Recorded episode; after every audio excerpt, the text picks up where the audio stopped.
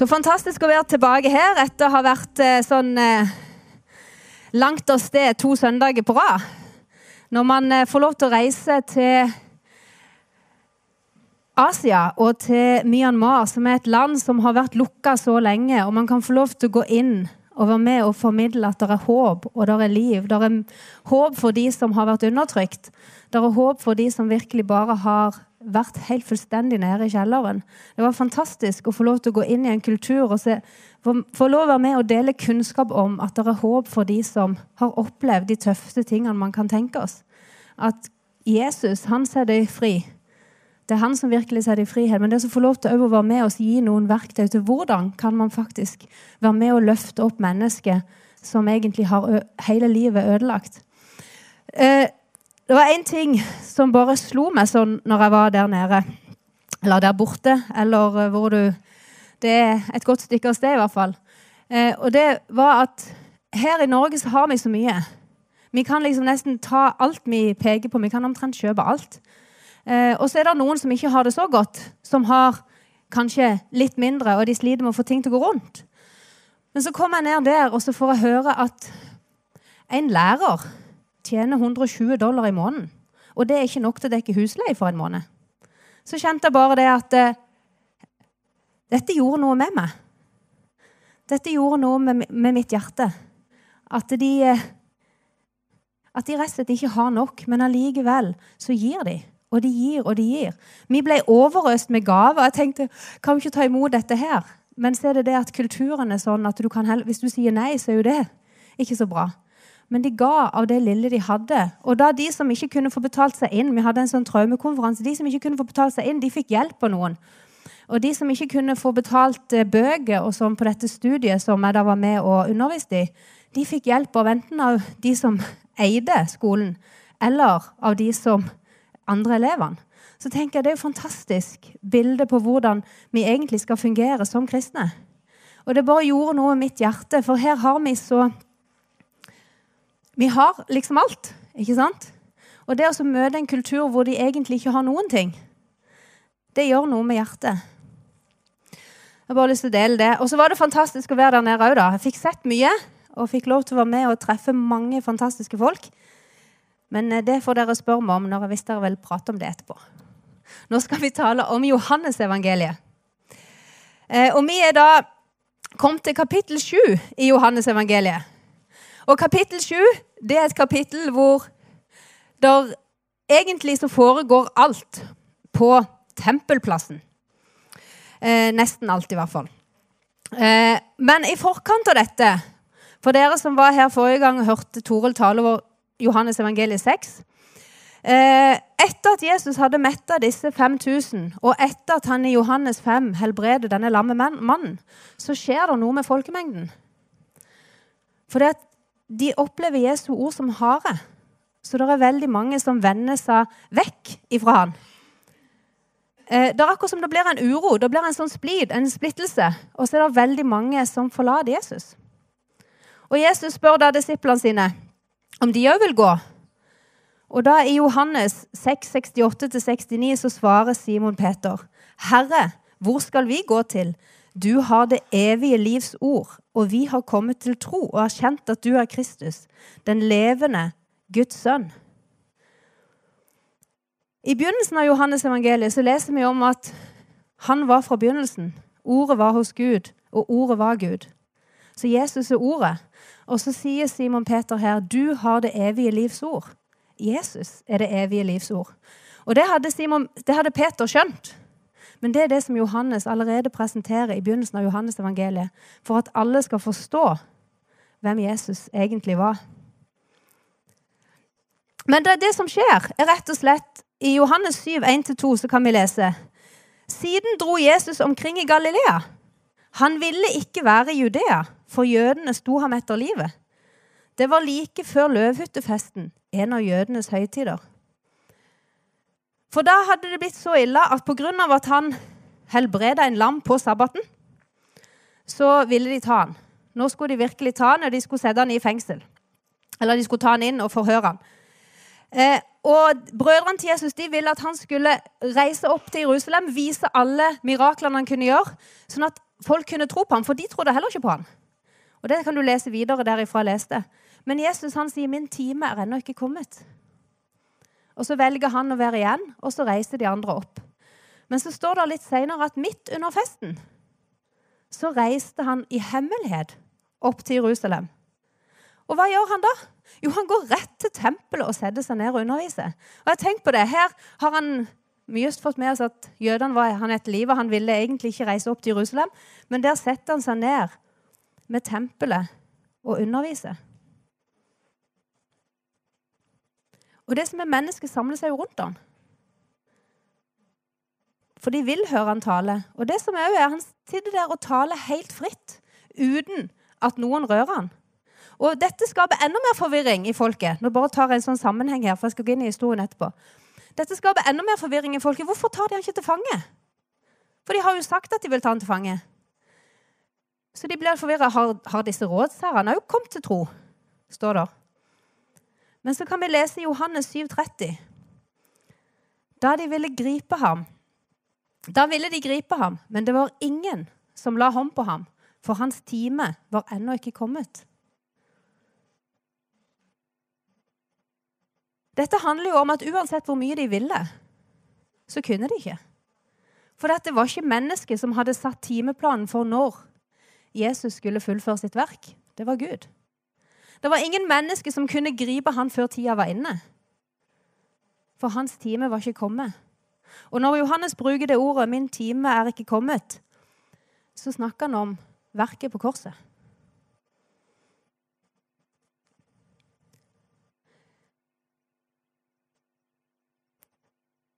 Men det som er at mennesket blir tiltrukket av hans tale. Og Det skjer noe i dem når de hører han tale, selv om de vil gripe han. Selv om de har blitt sendt ut for å ta han til fange, så skjer det noe med dem. Da står det i Johannes 7, 45-46. Vaktene kom nå tilbake til overpresten og fariseerne. Hvorfor har dere ikke ført ham hit? spurte de. De svarte aldri har noe menneske talt slik som ham. De er rett og slett blitt sendt ut for å bringe han tilbake fra tempelplassen. Men de har ikke klart å gjøre det. Og svaret de gir, er aldri før har noe menneske talt som han. Og hvis vi hadde kunnet gresk, nå har jeg studert litt da, så hadde vi sett at den setninga der, den uttaler at de tenkte at han var noe mer enn et vanlig menneske. At inni det, den setninga er det det Her er det mer enn vanlig menneskelig tale det som han taler.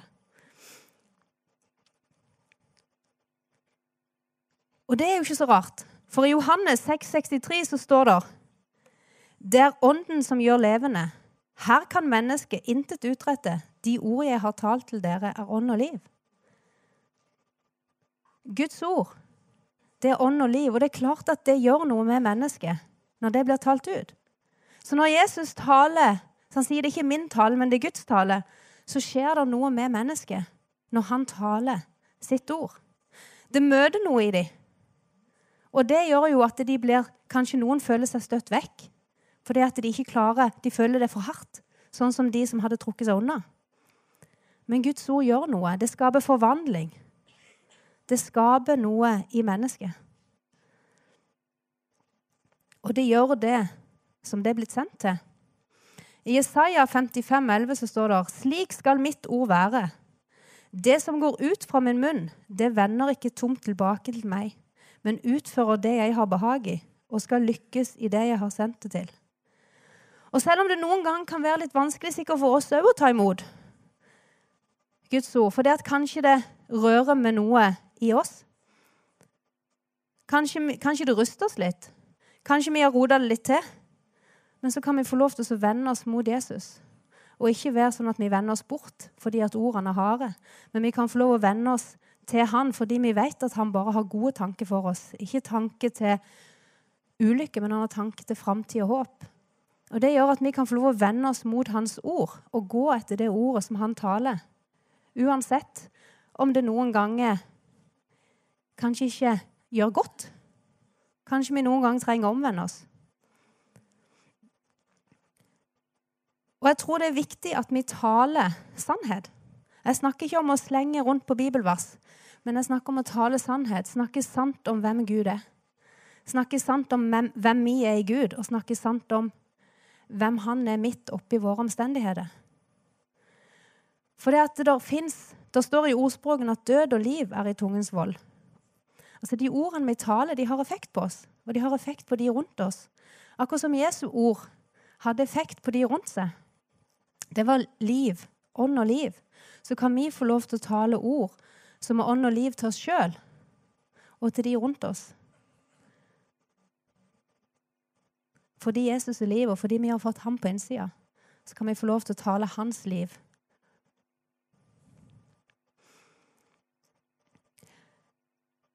Det levende vannet, løftet om Den hellige ånd. I Johannes 7, 37-39 så står det på den siste dag i høytiden, den store festdagen, sto Jesus fram og ropte, 'Den som tørster, la ham komme til meg og drikke.' 'Den som tror på meg, fra hans indre skal det, som Skriften har sagt, renne strømmer av levende vann.' Dette sa han om den ånd de som trodde på ham, skulle få, for ånden var ennå ikke kommet, fordi Jesus ennå ikke hadde fått del i herligheten den siste dagen i høytiden. Dette var løvhyttefesten. Og den feirte de til minne om tida i ødemarka. Eh, de feirte den til minne om at, Jesus, at Gud hadde ledet dem ut av ødemarken og inn i løfteslandet. Og hver eneste dag på denne så dro prestene til en dam, henta vann og tømte det som et offer utover alteret. Hver eneste dag. Og på den siste dagen, når de har gjort det siste gang, da står Jesus opp og roper ut dette. Når dette vannet, som ikke varer lenger, men som er tømt ut over alteret og på en måte er ferdig å renne, da sier Jesus, han roper det ut. Den som tørster, la han komme til meg og drikke. Midt oppi Vi kan, jo se for oss at dette bare ble sagt liksom, i en hvilken som helst sammenheng på tempelplassen. Men dette ble sagt midt oppi noen ritualer som omhandla vann, fordi Gud hadde gitt dem vann i ørkenen. Gud hadde forsørga dem med vann i ørkenen, og da gjorde de dette til minne om det. Og der roper Jesus, 'Den som tørster, kan komme til meg og drikke'. Og mens de, mens de gjorde dette ritualet, så leste de òg fra Skriften, fra Jesaja. Dere skal øse vann med glede fra frelsens kilder. Så når Jesus gjør dette, så proklamerer han ut at han er frelsens kilde. Han er den som gir frelse. Han er den som er den som gir levende vann.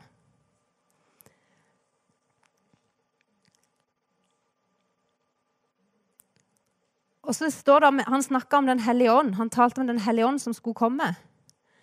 Og Hvis vi da leser i Johannes 4, 14, så står det Men den som drikker av det vann jeg vil, vil, gi ham, skal aldri mer tørste. Det vann jeg vil gi ham, skal bli en kilde i ham med vann som veller fram og gir evig liv.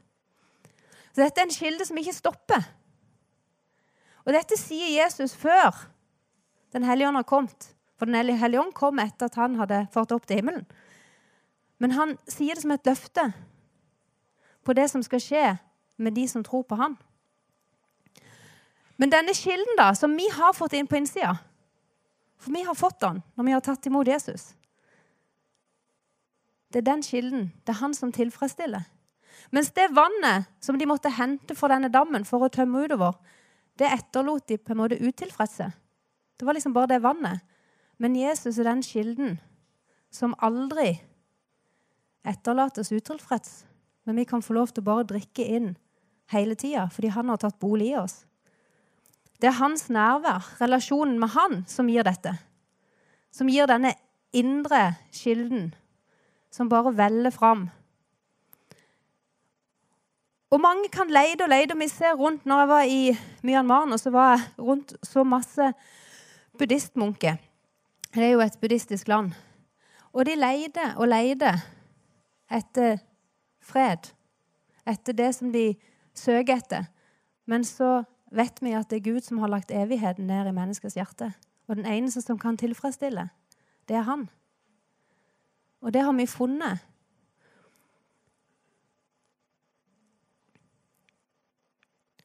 Og vi kan få lov til å vite det. At den ånd, den hellige ånd, det levende vann, det bor på innsida av oss. Det er ikke lenger en kilde som vi må hente vann ifra. Det er ikke sånn at når jeg står her, så tenker jeg å nei, filleren. Jeg må gå og hente litt vann. For jeg vet at det er på innsida. Ikke sant? Det er der til enhver tid. Fordi han har tatt bolig i oss med sin ånd. Og akkurat som ordet er ånd og liv, så er Den hellige ånd det levende vann. Som gjør at vi kan få lov til å hele tida være i kontakt med Han. I Efeserne så står det at det er den samme kraft som bor i oss, som reist, Gud reiste Jesus opp fra de døde med. Tenk om vi kunne forstå hva det betyr at vi har fått Den hellige ånd på innsida. At vi har fått det levende vann. At vi har fått en kilde som veller fram til evig liv på innsida. Tenk om vi kunne forstå hvor stor den kraften er. Virkelig bare fått en åpenbaring av hva det betyr for oss. At vi kan se mer av hva det egentlig betyr, av hva det egentlig, hva det egentlig menes med det. For noen ganger så tror jeg vi tar det som bare ord. Men så er det jo en kraft som er på innsida. Jesus har flytta på innsida med alt det som er i han. Han utøser sin kjærlighet i våre hjerter. Da står han at han har velsigna oss med all åndelig velsignelse i den himmelske verden i Kristus. Vi har fått alt. Det har tatt bolig på innsida av oss ved Den hellige ånd. Og det kan vi få lov til å leve i.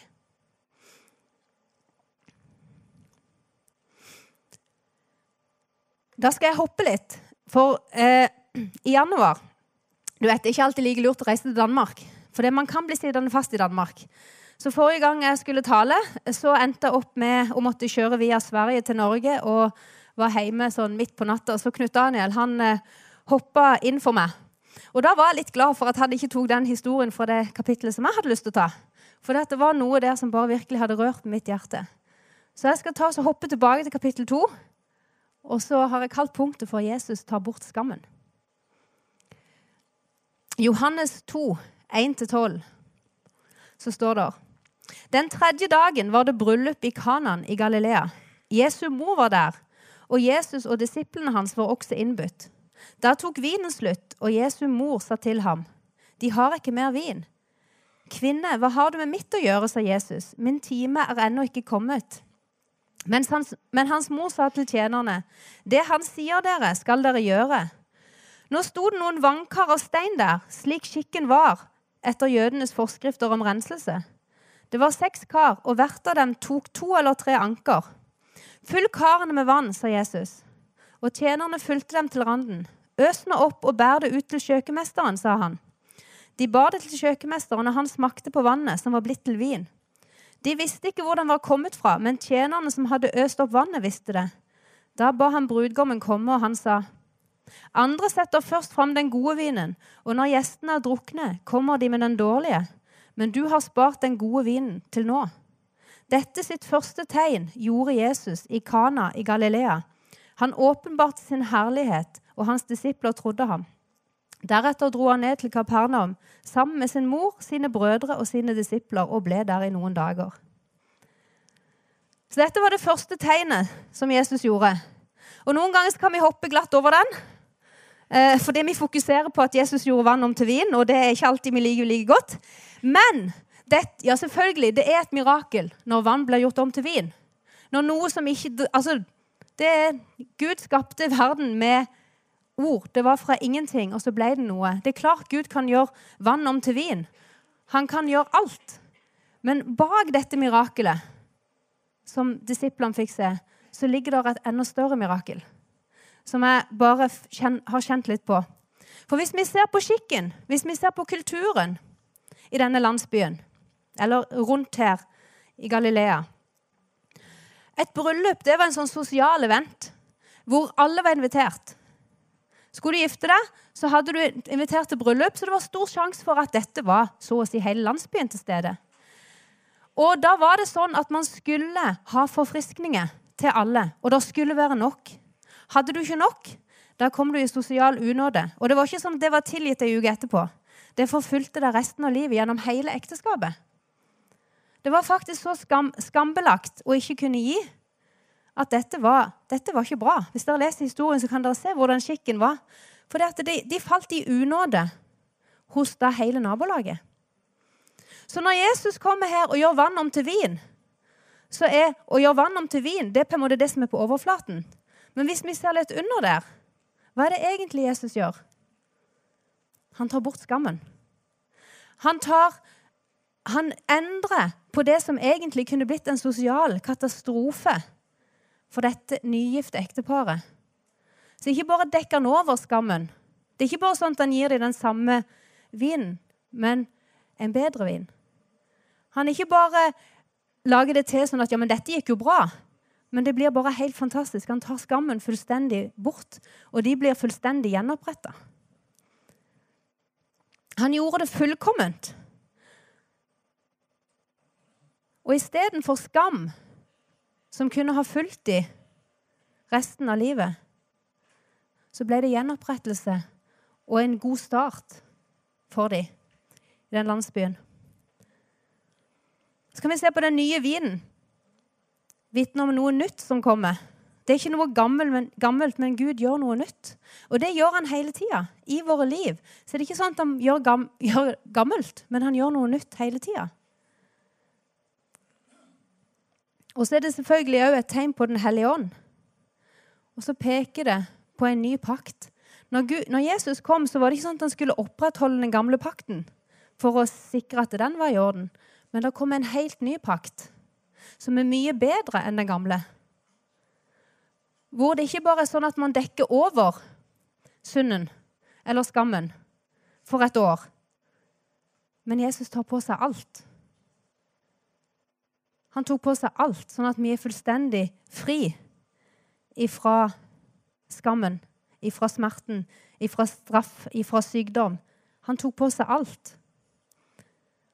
Han gjorde det ikke bare halvveis. Så bak det mirakelet når Jesus gjør vann om til vin, så er det noe som er for disse to som var mye viktigere enn vinen. Jesus tok bort skammen, og det gjør han i dag. Det står i Kolosserne 2, 14-15. Han slettet ut skyldbrevet som sto oss imot med bud, det som vitnet imot oss. Han tok det bort ved at han naglet det til korset. Han avvæpnet makten myndigheten og maktene og vanæret dem offentlig da han triumferte over dem på korset.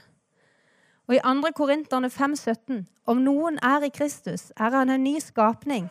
Det gamle er forbi. Se, alt er blitt nytt. Den nye pakt, det er det gamle forbi. Det var ikke For disse her bryllupsekteparet så var det ikke sånn at de kunne se tilbake og tenke på at ja, det, vi gikk jo nesten tom for vin. Nei, det var helt nytt. De var helt fullstendig gjenoppretta. Og vi kan, når vi har møtt Jesus, så er vi nye skapninger. Det har skjedd noe på innsida som gjør at det gamle det er forbi. Det gjør òg at vi ønsker å leve et annerledes liv enn det vi kanskje levde før. Fordi at det har skjedd noe på innsida.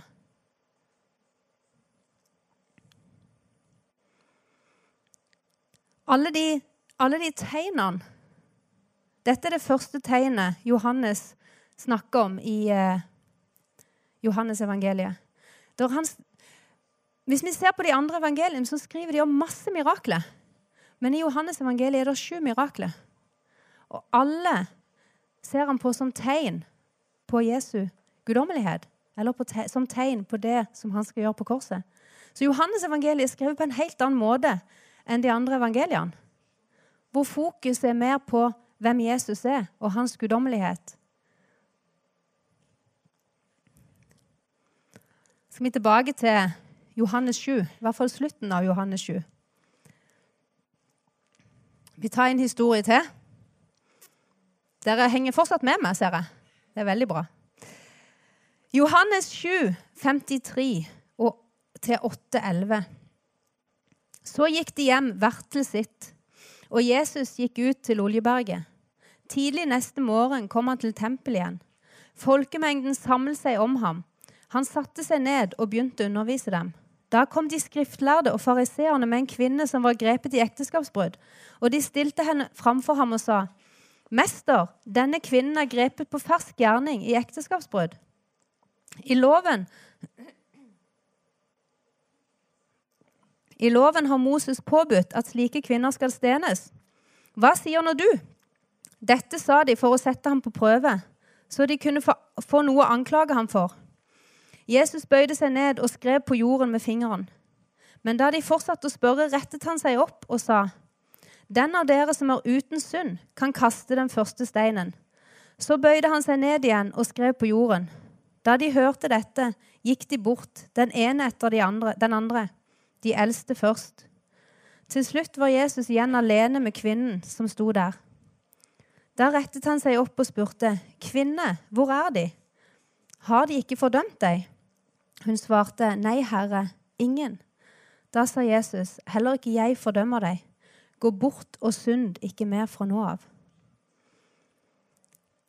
Denne historien eh, ser ut til å komme rett etter at Jesus har talt på tempelplassen om at han er det levende vann. Dagen etterpå, eller i nær framtid, for han er fortsatt i Jerusalem. Og der sitter han, Folk har samla seg rundt han.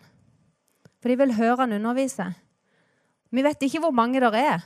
Men der, hvis du ser for deg det scenarioet, der sitter de. Og så kommer de brautende fram med dra, drassende på ei kvinne og slenger henne ned foran Jesus. Og hvorfor gjør de det? Jo, for de virkelig skal ta Jesus. De har bestemt seg for at de skal sette ham på prøve. De skal sette ham i et dilemma. Og de, de, de, sier at loven sier at slike kvinner skal steines. Men vet dere hva loven egentlig sier? Loven sier at hvis det er noen som blir tatt i ekteskapsbrudd, så skal begge to føres fram. Eh, dette leste jeg også og tenkte hm, det var en interessant vending. Men hvor er da denne mannen? Ikke sant? Man kan jo lure, for at, eh, har du blitt tatt i fersk gjerning, da må jo kanskje noen ha vært til stede for å ta deg i fersk gjerning. Eh, og så er det enten noen som har sluppet unna, eller så kanskje det er en av de som kommer med henne. Jeg vet ikke. Bare min tanke. Men i hvert fall Uansett, hun var helt alene. Sikkert livredd. Der har hun blitt dratt ut. Hun har blitt tatt i sin verste situasjon. Altså, Hvor mye verre kan det gå? Ikke sant? Der har hun blitt tatt. Hun blir dratt med. Eh, hun vet hva loven sier. Og hun blir blottlagt for en haug med menn. Og i tillegg så blir hun slengt foran en folkemengde. Og der ligger hun i en situasjon hvor hun ikke kan komme seg ut av. Og Det er litt å forstå det bildet, for det er ikke bare sånn her sitter hun, og så kan hun løpe. Hun kommer seg jo ikke vekk. Hun er helt fullstendig låst. Og de vet at Jesus kjenner loven. De vet at Moseloven sa at man skulle steines. Men de vet òg at Jesus var kjent for å være omsorgsfull og barmhjertig. De visste at han var kjent for å møte mennesker med kjærlighet. De visste at han var kjent for å møte mennesker på en helt annen måte enn det de gjorde. Og kanskje det er noe av det som provoserer dem, har jeg tenkt på. At han møter mennesker med kjærlighet. For han er opptatt av mennesker. De har sett at mennesker får sine liv forvandla i møte med Jesus. De har sett at mennesker blir helbreda. Man kan ta f.eks. kvinnen med brønnen. Man kan snakke om Sakkeus, som vender livet sitt rundt. Det er mange historier i Bibelen som, hvis man ser rundt, så må også også disse her øversteprestene ha fått hørt dette på en eller annen måte.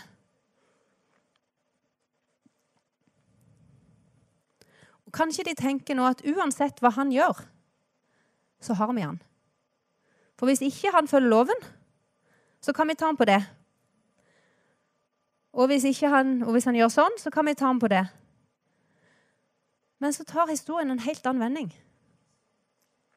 For Jesus sier 'den av dere som er uten synd, kan kaste den første steinen'.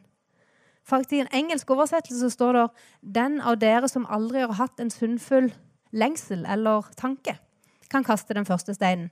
Og da kan vi jo dra det litt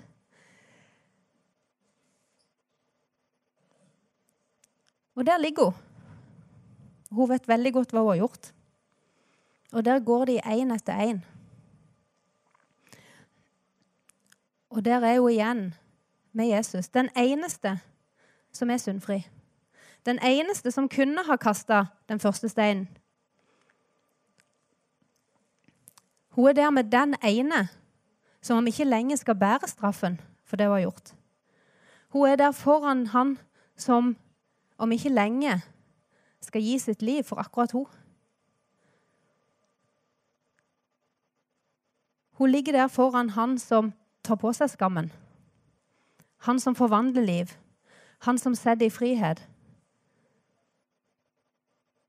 Han som er selve livet. Og han tar og reiser opp. Og så får hun lov til å begynne på ny. Hun blir fullstendig gjenoppretta. Det er ikke sånn at han bare forlater henne der. Ja, nå kan du se hva du har gjort, men nå kan du i hvert fall gå i dag. Men det er fullstendig gjenopprettelse. Hun blir reist opp og får lov til å gå og begynne på ny. Skammen er tatt bort.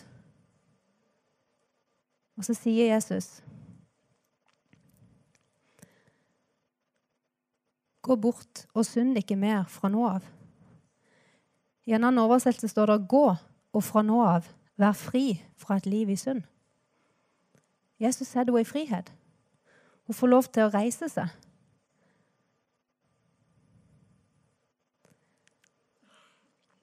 Og Når vi leser i Lukas, det bibelverset er ikke der, Lukas 4, 18-19, så sier Jesus dette. Han leser fra profeten.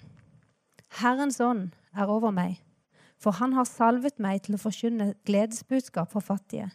Han har sendt meg for å kunngjøre at fanger skal få frihet, og blinde få syn igjen, for å sette undertrykte fri og rope ut et nådens år fra Herren. Jesus kom akkurat for å sette deg fri. Han kom for å sette undertrykte fri, for å sette fange fri, og for å reise opp.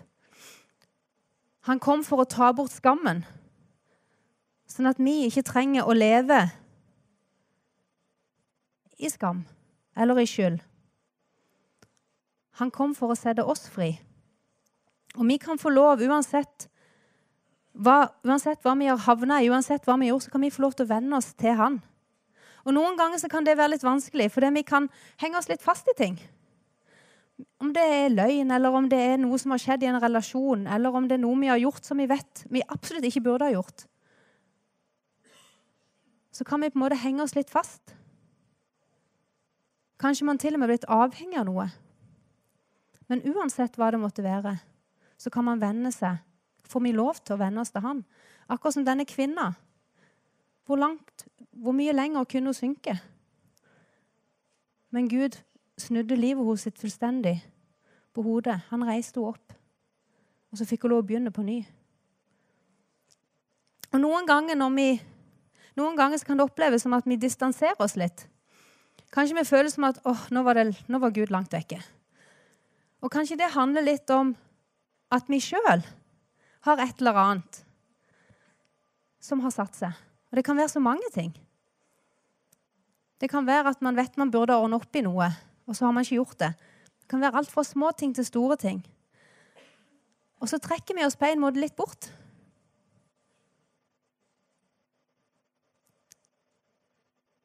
Og så glemmer vi at Gud er like nær uansett.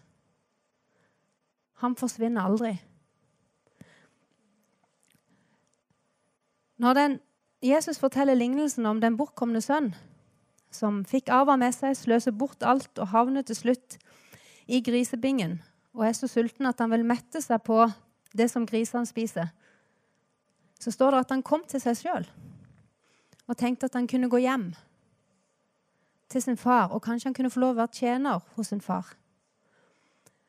Og så vender han seg om. Han vender hjem. Han er i grisebingen, vender hjem. Og så når han ennå er langt unna, så står faren og speider etter han med åpne armer og løper han imot det. Og denne sønnen som trodde at han nå var på en måte utenfor, han hadde hele tida vært innafor for faren. Han hadde hele tida vært en sønn og Noen ganger så kan, tror jeg det kan være litt sånn for oss at vi føler vi har kommet så på avstand. Men så er vi allikevel innafor. Det handler egentlig bare om at vi snur, og så vender vi hjem. tar vi skrittet i riktig vei mot Jesus. Istedenfor å vende oss bort ifra han. Men så kan vi få lov til å vende oss nær til han. Romerne sier at ingenting kan skille oss ifra Guds kjærlighet. Kan gjerne komme opp, Miriam. Romerne sier at ingenting kan skille oss ifra Guds kjærlighet. Det eneste som skiller oss ifra Gud, det er om vi har tatt imot Jesus eller ikke. Men når vi har tatt imot Jesus, så skjer det en forandring på innsida som gjør at vi ønsker å leve i en relasjon til Han. Ønsker å leve i en nær relasjon til Han. Ønsker å leve riktig sånn som Han ønsker vi skal leve. Og det handler ikke om et strev. For det er ikke noe vi skal prøve å få til, men det handler om et liv på innsida hvor Jesus gjør en forandring. Det handler om et liv på innsida hvor vi faktisk mer og mer blir kjent med Han, og mer og mer ser hvem Han er. Og på den måten så kan vi få lov til å leve nær til Han. Og da er det sånn at noen ganger så blir vi minnet på ting. Det kan være at har, vi har sagt noe som vi bør gjøre opp. Det kan være noe som er gammelt. Men det å bare reise seg opp og vende hjem og si, 'Gud, jeg ønsker å vende meg til deg', det er så viktig i denne tida at vi kan få lov til å bare reise oss opp, for Gud har tatt bort skammen. Han har tatt bort synda, han har tatt bort skylda. Men vi må ta det skrittet og vende tilbake igjen. Så er det han som gjør resten. For det gjorde han allerede på korset. Men vi må venne oss til han. Så Jesus tar bort skammen i dag. Han har tatt den bort. Og han setter i frihet i dag. Han bryter lenke i dag. Vi kan få lov til å bare løfte blikket på han.